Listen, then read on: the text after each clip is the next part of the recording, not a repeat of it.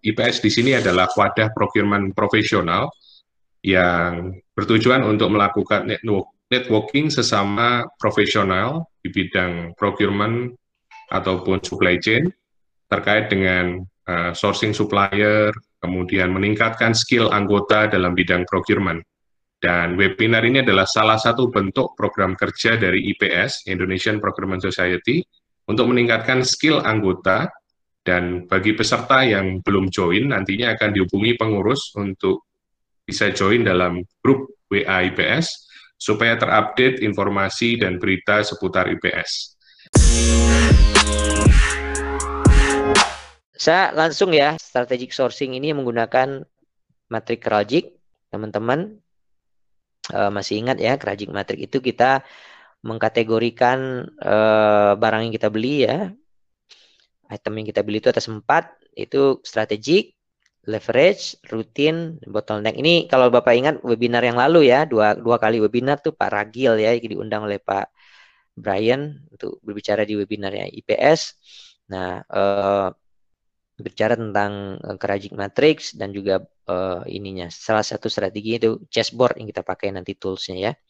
Jadi barang-barang direct core kompetensi atau strategi ini adalah yang memang mempunyai uh, spendnya tinggi gitu ya atau profit impact atau spend belanjanya tinggi tapi juga risknya juga tinggi gitu ya. Jadi susah menemukan barang-barang itu supplier mungkin sedikit ya.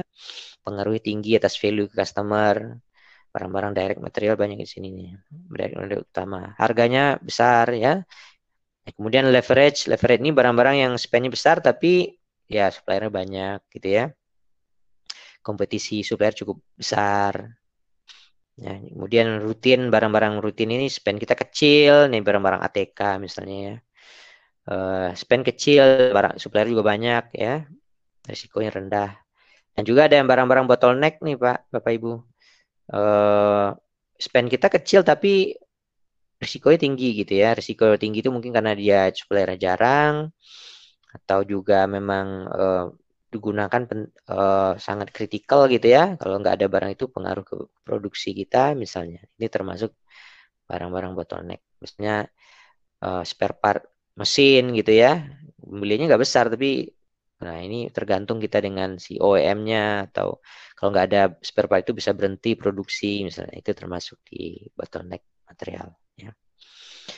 Oke, uh, nah berdasarkan ini ya, bagaimana kita melakukan strategi cost saving? Nah, ini kan sebenarnya uh, kerajik materi bisa untuk apa untuk apa saja, macam-macam strategi yang kita lakukan. Tapi dalam uh, webinar kita hari ini kita bicara tentang bagaimana menggunakannya dalam melakukan cost saving. Nah, Uh, uh, ya untuk membuat ini kan Bapak Ibu menggunakan masih ingat ya dengan Pak Ragil uh, bulan lalu tuh kita bicara tentang ada uh, spend analysis, market analysis ya. Coba lihat lagi materi-materinya. Jadi untuk membuat ini kita perlu spend analysis, market analisa belanja kita ya untuk bisa mengkategorikannya juga analisa market market supplier artinya ya. Nah, nah masih ingat ya uh, chessboard strategi ini cukup banyak nih dikupas oleh Pak Ragil ya di webinar yang lalu. Jadi yang trennya ini nih, sebenarnya banyak tool yang lain kalau misalnya gemstone strategi lah apalah gitu ya yang dikeluarkan oleh para konsultan.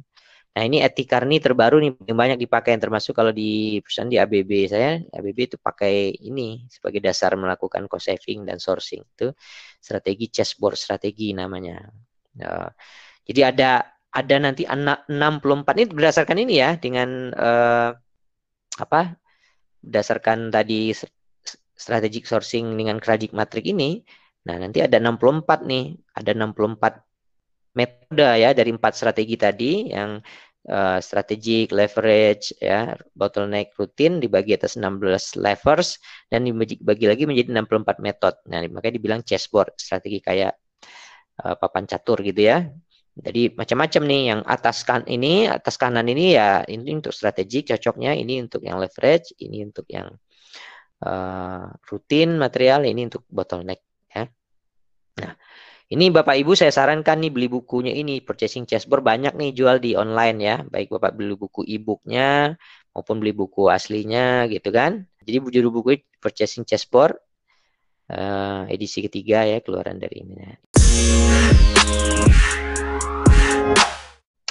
Nah, jadi apa yang di apa sih bagaimana sih menggunakan chessboard strategi ini ya dalam uh, dalam menghasilkan cost saving ya membuat inisiatif cost saving itu ada yang uh, apa namanya ya kita menggunakan macam-macam ini setelah kita petakan barang kita item uh, spend barang kita beli itu atau jasa yang kita beli itu cocoknya di mana gitu. Dia ada di posisinya di mana. Nah, nanti kita pilih tuh. Dia mungkin agak agak strate, barang itu sangat strategik gitu ya. Sangat spendnya tinggi tapi susah nyari supplier mungkin kita cocoknya strategic alliance gitu ya. Atau malam profit sharing tuh dengan supplier gitu. Bisa loh profit sharing dengan supplier. Saya pernah mengalami itu. Profit sharing dengan supplier ada ada sebuah perusahaan perusahaan tambang gitu ya barang tambang dia itu sangat fluktuatif harganya, di bisa dia untung gede, bisa untung kecil gitu ya, bisa nggak ada untung gitu ya. Nah dia dengan suppliernya dia supplier-supplier utamanya dia melakukan profit sharing gitu. Nanti kalau kami harga komoditi kami lagi naik, suppliernya harga dari supplier kami naikkan juga katanya harga barangnya itu atau jasa yang dia gunakan. Ada kayak gitu ya. Nah jadi uh, kalau di sini, nah kita coba kita lihat ya. Kalau yang di sini nih leverage ini yang paling banyak dipakai kalau leverage ini kan tadi kompetisi kompetisi ya barangnya banyak suppliernya banyak gitu ya pembeliannya banyak. Nah di sini banyak. Utamanya strategi itu adalah meningkatkan kompetisi supplier. Ada global sourcing best sourcing cost regression reverse auction gitu ya. Unbundled price. Nah bapak ibu bisa baca tuh di buku itu atau materi yang dari bulan lalu dari Pak Ragil di webinar IPS lalu. Bagaimana yang cocok itu di sini ya RFI RFP proses ya request for information, request for for, for purchase, uh, proposal atau request for quotation, reverse auction ya auction uh, uh, apa kita melakukan uh, auction gitu ya dari harga auction ini bisa uh, bisa beberapa cara ya auction yang memang bapak panggil suppliernya tatap muka gitu ya mana yang memberikan harga yang lebih rendah atau yang seperti yang di BUMN BUMN ya online auction. Jadi Bapak masukin harga Bapak nanti uh, dikasih waktu 30 menit untuk bertarung di websitenya, masukin harga, nanti lawan Bapak masukin harga, mana yang terendah, nanti sampai 30 menit tentuin pemenangnya. Setelah ditentu semua spek teknikal dan spek administrasinya udah udah lulus lolos gitu ya, lolos dari uh, uh, dari sesuai requirementnya si kita gitu global sourcing ya, mencari sumber-sumber ke negara lain. Jadi tidak hanya di Indonesia, misalnya kita harus nyari ke Thailand, harus cari ke Guangzhou gitu ya. Harus cari ke eh, negara-negara Turki misalnya. Banyak tuh barang-barang yang di Turki lebih murah gitu. Kita ketemu. Uh, di Malaysia misalnya. Atau melakukan supply, supply market intelligence, make or buy gitu ya di sini. Beli atau bikin itu termasuk strategi yang di kuadran kanan bawah ini leverage. Oke, okay? jadi kita lihat contoh-contohnya ya. Kemudian kalau di atas nih, yang atas ini ya tadi strategic alliance ini benar-benar kerjasama jangka panjang ya. Strategic alliance itu artinya aliansi strategis ya. Kerjasama dengan, misalnya saya waktu kerja di Warsila dulu, dia kerjasama dengan ABB justru waktu sebelum saya kerja di ABB ya. Kerjasama dibagi ada mes, bagian mesin tertentu yang itu disebut turbo charger gitu ya mereka belinya harus ke ABB jadi mereka melakukan kerjasama bersama bertahun-tahun kontrak jangka panjang melakukan development riset bersama supaya lebih efisien mesin-mesin pembangkit listriknya gitu. Nah, itu seperti itu. Atau kolaboratif cost reduction ya. Uh, mengurangi cost secara berkolaborasi ya. Jadi saling terbuka nih. Kalau di sini intinya sih saling terbuka ya. Uh, hubungan suami istri eh hubungan itu apa namanya ya hubungannya itu seperti pernikahan gitu loh supplier dan kita itu. Jadi saling terbuka gitu, buka-buka lah gitu ya. Nah, jadi di sini supplier development mengembangkan supplier. Saya pernah tuh ada sebuah perusahaan uh, otomotif ya yang jadi klien saya waktu saya jadi konsultan. Ini banyak mereka nih. Jadi supplier dia itu awalnya banyaknya di, di, di Jepang gitu ya karena memang eh, barang-barang uh, spare part itu dibuat dengan sangat presisi gitu. Uh, supplier dia di Indonesia belum ada yang bisa membuat seperti itu. Padahal harganya itu mahal sekali. Katakanlah harganya seribu kalau beli dari Jepang. Di Indonesia bikin harganya bisa 100 tapi ya jelek gitu nggak nggak presisi spare partnya akhirnya dia develop dia kembangkan supplier itu dia training dia bantu uh, bantuan teknis, malahan bantuan keuangan, dia investasi mesin, mesin uh, cutting presisi gitu ya di perusahaan suppliernya, sehingga suppliernya uh, bisa gitu ya, supplier di Indonesia itu bisa menghasilkan uh, barang yang sama dengan yang supplier dia di Jepang yang harga 1000 itu dengan harga mungkin cuma 500 gitu atau 300. Nah, dia kan untung. Nah, dia dapat cost saving juga di situ. Itu contoh-contohnya. Kalau di sini bundling cross product line, eh, kalau di sini ya di rutin ini ya bundling banyak. Nah teman-teman ya sih banyak melakukan ini nih bundling cross product line gitu ya. Uh, bundling cross product site. Jadi kalau kita punya project atau punya supplier, punya project site di beberapa site kita gabung demandnya kita beli ke supplier yang sama gitu. Jadi uh, jadi meningkatkan pembeliannya kita bisa dapat diskon lebih besar. Bahkan bisa juga bundling cross product line gitu kan kita bundling nih cross generation misalnya kan. Di di perusahaan otomotif sering nih. Uh, uh, sorry across across produk lain tuh misalnya uh, pernah ya perusahaan otomotif ya. Dia ada mobil mewah mobil sedang mobil keluarga itu beda-beda pak spare partnya.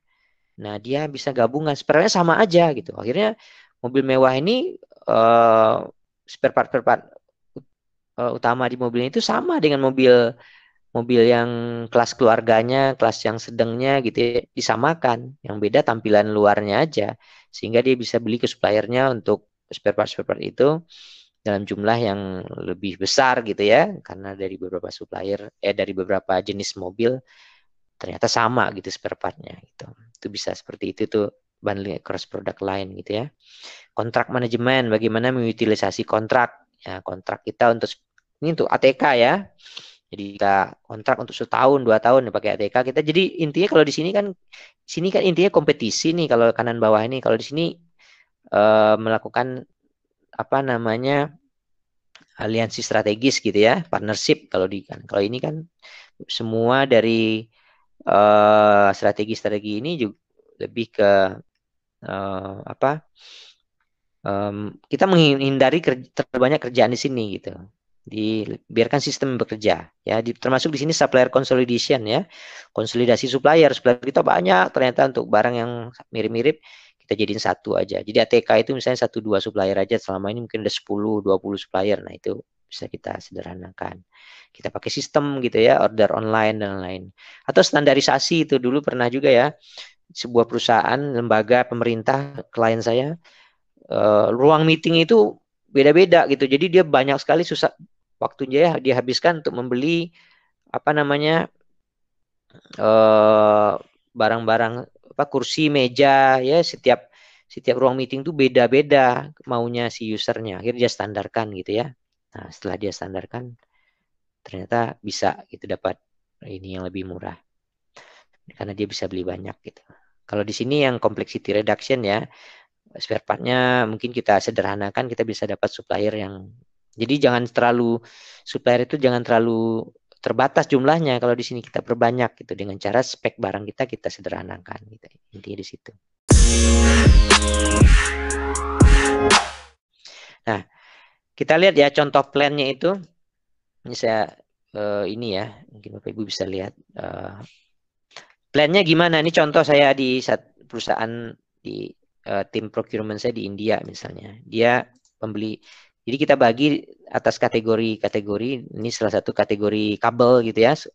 I bayar saya yang kategori kabel gitu. Kita lakukan planning dulu sebelum kita masuk. Jadi kalau di perusahaan saya itu pada saat orang sales membuat budget tahun depan, orang procurement dan HM itu juga membuat budget, tapi bukan budget sales ya. Kalau kita budget spend pembelian beserta dengan uh, ininya uh, cost save, cost savingnya berapa gitu kan Nah, jadi misalnya kita jenis kabel low voltage gitu ya. Nah, kita tahun lalu misalnya dua dua dua untuk tender 19 juta gitu kan. Jadi kita tahun ini berapa ya kita cek ada increment volume bisnis meningkat 10% berarti ada peningkatan 10% ya spend kita kemungkinan. Nah, kemudian kita cek Bagaimana cost reduction berapa berapa? Oh kita mampu cost reduction itu tiga persen. Cost pada saat budget terhadap budget dua persen terhadap tender sekian persen. Cost avoidance sekian persen. Gimana caranya? Nah, ini saatnya teman-teman tim saya itu mencoba nih uh, brainstorming nih. Oh, kita harus melakukan aggressive bidding. Aggressive biddingnya ada di sini tadi ya. Ada di di sini tadi. Aggressive bidding itu di sini. Aggressive bidding itu kalau di Indonesia mungkin disebutnya beauty contest gitu ya. Jadi cari supplier-supplier yang kita serahkan dia memberikan ini dia apa yang dia bisa dengan harganya berapa gitu ya nggak kita batasi permintaan spek kita. Nah, kita cari nanti. Jadi ada yang pakai strategi ini bagaimana detailnya. Nah, saya bikin oh mendorong supplier untuk aggressive bidding, uh, meningkatkan degree of rival fee gitu ya. Extended price validity during tender misalnya. Kemudian kedua reverse auction. Nah, untuk kabel low voltage juga kita akan melakukan strategi chessboard ini kita akan pilih reverse auction. Gimana tuh? Reverse auctionnya untuk yang besar dari 300 uh, kilo USD kita akan masukkan di sistem kita. Kebetulan kita punya punya Ariba ya, SAP Ariba e-auction. Nah, kita harus pakai e-auction barang-barang pembelian yang di atas 300 ribu KUSD. Gitu. Nah, nah, kita harapkan kita dapat cost reduction di situ dan cost saat, saat uh, budget uh, terhadap budget itu tiga persen, gitu kan. Juga misalnya strategi RFI, RFP proses. Nah, untuk barang-barang yang umumnya kita pakai RFI, RFP proses yang mengcompare gitu ya beberapa quotation dari supplier. Dengan cara ini kita berharap mungkin dapat cost pada saat tender 6% uh, cost savingnya gitu. Kemudian uh, price benchmarking ya, tadi juga ada nih di uh, mana? Di dashboard strategi ya, benchmark ya terhadap uh, potensial supplier kita coba benchmark. Kemudian standarisasi ya kita standarkan di sini low voltage cable itu kita standar mungkin banyak sekali permintaan dari user kita beda-beda. Nah, kita identify stand, ukuran standar berdasarkan data, historis kan. Mengembangkan standar pricing list. Nah, kita buat uh, price list nih jadi supaya nanti bisa ngikuti dengan LME ya, London Metal Stock Exchange atau spec assessment atau juga bisa strategic alliance ya. Atau supplier konsolidasi supplier kita terlalu banyak kita konsol gitu kan. Atau global sourcing juga misalnya untuk kabel kita bisa cari supplier-supplier ternyata yang dari China lebih murah atau dari Thailand gitu ya. Pengalaman kita lihat seperti itu. Atau project based partnership partnership berdasarkan part project dengan supplier. Atau supplier development ya. Dan macam-macam ada kolaboratif cost reduction ya open open price itu terbuka dengan dengan supplier. Atau bundling across site. Nah bundling across site berapa kira-kira ekspektasi kita cost saving bisa kita dapatkan? Beberapa site project kita tersebar di berbagai berbagai state gitu ya, di India misalnya kita kita bundling nah kita tawarkan ke supplier.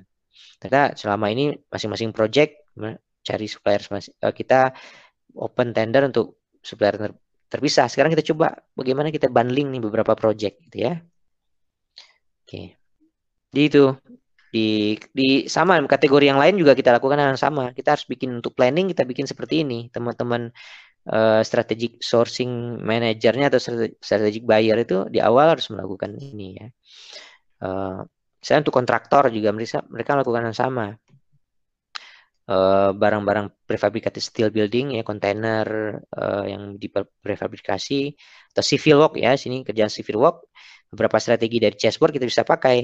Nanti kita ekspektasi berapa cost savingnya. Misalnya kolaboratif cost reduction dengan kontraktor gitu kan. Kontraktor developer development. Kontraktor yang kecil-kecil itu kita develop supaya naik kelas gitu kan.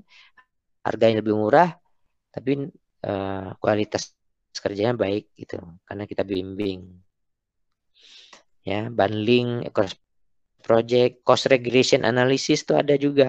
Barang-barang yang kalau kita beli bisa regresi ya. Reverse auction seperti yang tadi ya. Tender uh, reverse auction. Uh. nah uh, apa? Uh, ya seperti itu. Jadi setiap kita mengembang planning intinya adalah kita akan membuat ini itu planning ini planning uh, cost saving berapa persen yang kita achieve. Jadi kita di selama masa bekerja setahun ke depan kita tahu nih, kita pantau nih ya. Jadi dari tadi planning kita pantau nih setelah planning ya eksekusi kan. Nah di eksekusi lembaran yang tadi kita bikin si planning ini akan dimonitor benar nggak kecapai sekian persennya ya. Nah makanya di setiap meeting itu kita punya nih success story. Wah, dari timnya kabel nih. Wah, kami udah berhasil untuk project Anu. Kita udah berhasil membanding volume beberapa kabel uh, permintaan kabel ya terhadap supplier dengan tool kita, tool uh, ini. Bisa Pak pakai tool uh, yang banyak ya tersedia di pasar sekarang atau dengan metode manual aja gitu kan. Nah, kemudian berapa? Ini success story ini kita share nih di kalau saya saya share inter country, saya presentasi, kita saling setiap meeting meeting mingguan kita share gitu kan success story dari setiap country. Jadi jadi inspirasi bagi country yang lain. Oh di SCM atau procurement di sana bisa ini ya bisa dapat kabel tuh begini cara cost savingnya. Nah, nanti share dengan dengan yang lain dapat inspirasi gitu kan. Nah ini juga nih uh, success story dari pembelian steel structure ya untuk membuat tower segala macam nih kita di uh, Gardu Induk gitu kan. Itu juga uh, bagaimana di India misalnya dia volume bundling, RFI proses membuat beberapa ronde negosiasi gitu kan. Apa yang mereka lakukan di sini menggunakan strategi chessboard tadi, nah di share dijadiin success story-nya untuk di-share di country lain. Ini juga contoh di mana ya cost reduction menggunakan kolaboratif reduction dan cost regression analysis untuk kategori kontraktor ya. Nah, jadi uh, kolaboratif artinya ada kerjasama dengan kontraktornya, open price dengan pihak project manajemennya dan melakukan cost regression analysis gitu kan. Jadi benar-benar kita lihat breakdown harganya itu tersesuai dengan volume inputnya berapa gitu ya untuk sehingga berapa harga yang bisa dihasilkan berdasarkan analisis regresinya. Jadi macam-macam nih kita sharing sehingga nanti kita bisa record. Nah, setiap country itu eh, procurementnya bisa berapa? Nih ini ini ininya ya. Uh, summary-nya berapa dia bisa achieve? Spend dia berapa? PO nilai PO-nya berapa? Target uh, tahun lalu kemarin waktu bikin budget berapa? Target cost saving-nya aktualnya berapa? Selisihnya berapa, berapa persen? Gitu kan. Terhadap cost saving terhadap uh, tender di masa tender gitu kan juga berapa cost saving terhadap budget yang sudah ditentukan berapa nah itu. Sampai cost avoidance-nya juga kita hitung sama payment terms-nya gitu contoh cost saving-nya. Jadi nah ini di monitor nih tiap tiap bulan nih kita ada di sistem kita ditarik data dari SAP gitu ya muncul nih angka-angka ini. Bisa juga kalau dulu saya pernah juga tuh masih perusahaan sebelumnya ya manual SAP dan manual kita collect datanya. Ya, tergantung kalau data bapak banyak ya nggak mungkin manual kan harus otomatisasi dari sistem. Tapi kalau datanya masih sedikit bisa kita manual aja isi. Setiap kita PO kita isi berapa cost saving nah ini bapak ibu harus tunjukkan nih ke manajemen ya. Saya masih ingat saya dulu tunjukkan nih ke manajemen. Saya bisa ini loh menghasilkan cost reduction sekian, cost attender sekian, cost dibandingkan budget project sekian. Nah, kita tunjukkan sebagai performance kita, kita bikin grafik segala macam gitu kan. Ya, dijadikanlah apa namanya KPI, dimasukkan KPI dashboard kita. Nah, seperti itu kira-kira Bapak Ibu.